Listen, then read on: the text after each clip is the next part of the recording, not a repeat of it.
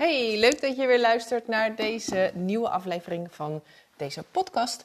En ehm, in deze podcast-afleveringen beantwoord ik altijd een vraag of een issue waar klanten bijvoorbeeld uh, tegenaan lopen tijdens de, het, het uh, natuurlijk zwanger traject wat ze bij mij volgen.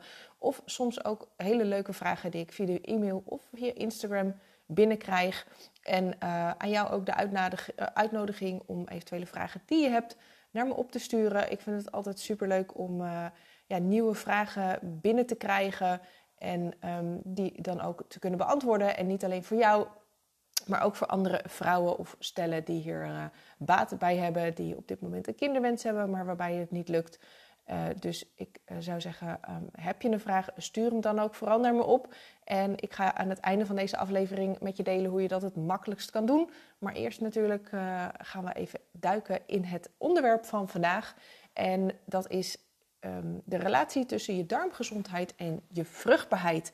Want die is, um, ja, die is eigenlijk wel heel erg belangrijk. Sowieso komen we er steeds meer achter dat onze darmgezondheid eigenlijk aan de ja, aan de oorsprong staat van uh, heel veel ziektes. En dan hebben we het dus eigenlijk over een ongezonde darm. En ook vruchtbaarheid heeft een, uh, ja, zeg maar verminderde vruchtbaarheid heeft een oorsprong in een verminderde darmwerking.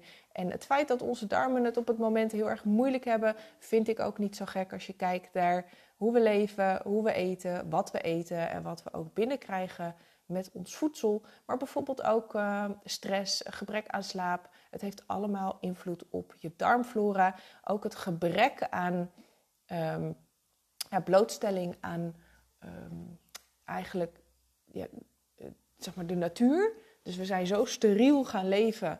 Alles moet gedesinfecteerd worden. Uh, uh, we, zitten eigenlijk niet meer echt met onze handen en voeten in de aarde. En daardoor ja, komen we gewoon steeds minder in aanraking met uh, bacteriën. natuurlijk ook de slechte, die zijn niet zo goed voor ons. Maar ook de goede, die krijgen we op die manier, daar komen we ook niet mee in aanraking. En als je bedenkt dat wij eigenlijk voor een heel groot deel aan allerlei verschillende soorten bacteriën bestaan, dan, uh, ja, dan is het niet zo gek om te bedenken dat als we daar minder variatie van hebben, dat we ons dan ook gewoon minder, ja, dat we minder gezond zijn. Nou, in deze aflevering ga ik dus dieper met je in op de relatie tussen de gezondheid van je darmen en ook je vruchtbaarheid. En hoe een gezonde darmflora kan bijdragen aan het verbeteren en het verhogen van je vruchtbaarheid. En wat je kan doen om je darmgezondheid te verbeteren.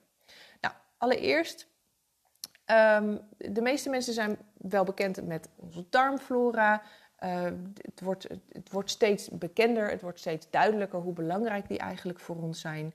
En als je kijkt naar het reguleren van je hormonen en je menstruatiecyclus, dan spelen je uh, darmen daar dus ook een belangrijke rol in. Uh, aan de ene kant um, doen ze dat door dat ze invloed hebben op de regulatie van hormonen die betrokken zijn bij je menstruatiecyclus, zoals progesteron en oestrogeen.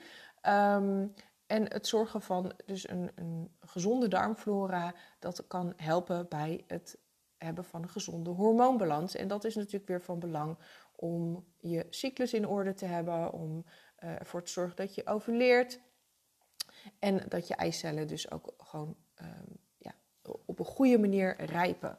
Daarnaast is het zo dat um, als jouw darmgezondheid verstoord is, dus als er iets aan de hand is binnen jouw darmen, dan kan dat leiden tot ontstekingen. Um, die ontstekingen die blijven niet alleen maar in je darmen, die uh, gaan eigenlijk door je hele lichaam heen. We noemen dat ook wel laaggradige ontstekingen. En die hebben een negatief effect op je vruchtbaarheid. Omdat ze, nou ja, ze kunnen sowieso, zeg maar, je, de voortplantingsorganen, dus je eierstokken, je baarmoeder, kunnen ze aantasten. Um, maar het, het, feit dat jouw lichaam uh, dan zeg maar chronisch ontstoken is, zorgt er ook voor dat je immuunsysteem geactiveerd is. En een geactiveerd immuunsysteem heeft weer een negatief effect op je vruchtbaarheid. Nou, wat er ook gebeurt als jouw darmen niet goed werken, is dat uh, je voedingsstoffen niet goed kan opnemen. En op het moment dat je die voedingsstoffen niet goed kan opnemen, betekent dat dus ook dat die niet kunnen worden getransporteerd naar je baarmoeder, waar natuurlijk de baarmoederwand iedere maand weer wordt opgebouwd. Het zorgt er ook voor dat je eicellen uh, niet de voedingsstoffen krijgen die ze nodig hebben om zich te ontwikkelen.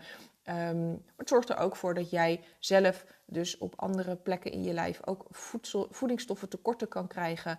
Um, waarbij je dus essentiële vitamines en mineralen en antioxidanten mist. En ook die zijn niet alleen belangrijk voor je algehele gezondheid, maar dus ook voor je vruchtbaarheid. Um, daarnaast is het zo dat je darmen ook een belangrijke rol spelen in de ontgifting en met name de afvoer van verbruikte hormonen. Uh, je lever maakt eigenlijk je hormonen soort van onschadelijk. Zorgt ervoor dat ze uh, via de darmen afgescheiden kunnen worden. Uh, zodat ze niet weer kunnen hercirculeren in je lichaam en daarvoor bijvoorbeeld een oestrogeendominantie kunnen veroorzaken. Maar op het moment dat jouw darmen niet goed werken, en dat kan zijn omdat je bijvoorbeeld niet regelmatig naar de wc gaat of omdat um, die afvalstoffen eigenlijk te lang in je darmen blijven uh, zitten, dan kan, kunnen die hormonen weer gaan hercirculeren in je lichaam. En dat kan problematisch zijn. Dus het is belangrijk dat, een gezonde, dat je darmen goed werken, dat ze op tijd uh, die stoffen dus uit je lichaam kunnen uh, verwijderen. En daardoor heb je dus ook weer dat jouw lichaam eigenlijk een hormonale balans kan houden, wat weer bevorderend is voor je vruchtbaarheid. Nou, als je kijkt dan, uh, als we het hebben over verstoorde darmflora of, of uh, problemen met je darmgezondheid, dan zijn er een aantal dingen die, uh, waar je dan rekening mee moet houden. We hebben, ik, misschien heb je de term leaky gut wel eens gehoord, prikkelbare darmsyndroom. Er zijn verschillende benamingen. Het zijn allemaal net even iets andere aandoeningen, maar het komt er vaak op neer eigenlijk op neer dat de darmwand, dus aan de binnenkant, dat die beschadigd is. En dat daar deeltjes doorheen kunnen die er eigenlijk niet doorheen kunnen, horen te kunnen. Dus jouw darmen die zijn eigenlijk verbonden met de buitenwereld. Dat betekent dat jouw immuunsysteem ook iedere keer getriggerd wordt op het moment dat er iets met jouw darmen aan de hand is. En um, vanuit je darmen wordt er eigenlijk een selectie gemaakt aan voedingsstoffen die via de darmwand in je bloed terecht kunnen komen en van daaruit weer verder naar je lichaam verspreid kunnen worden. Op het moment dat die darmwand dus beschadigd is, dan kunnen er stofjes doorheen die er eigenlijk niet doorheen zouden moeten kunnen. Nou, en op dat moment, als dat gebeurt, dan wordt dus ook jouw immuunsysteem geactiveerd, want die zegt: hé, hey, wacht even, er komt iets binnen wat er eigenlijk niet hoort. Um, en dit veroorzaakt die laaggradige ontstekingen waar ik het net uh, over had.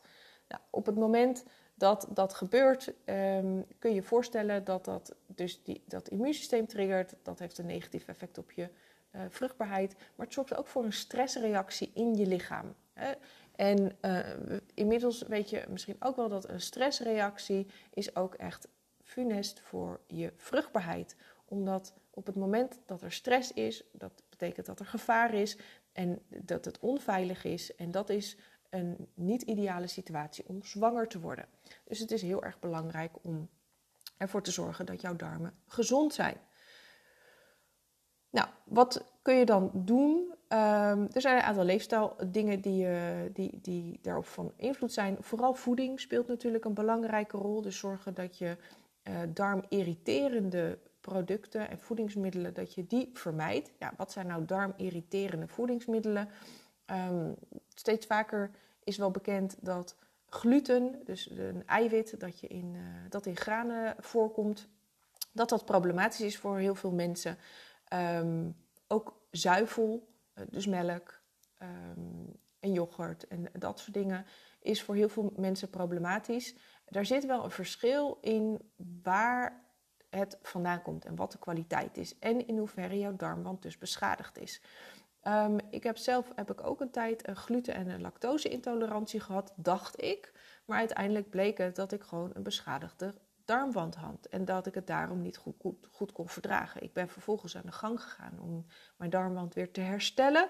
En inmiddels ben ik dus zover dat ik het absoluut wel kan verdragen. Dus waar ik eerst er echt moe en ziek en hoofdpijn van kreeg en gewoon echt niet lekker van werd, ehm, eh, kan ik nu prima zonder problemen Ehm, gluten, maar ook uh, melkproducten weer eten en drinken.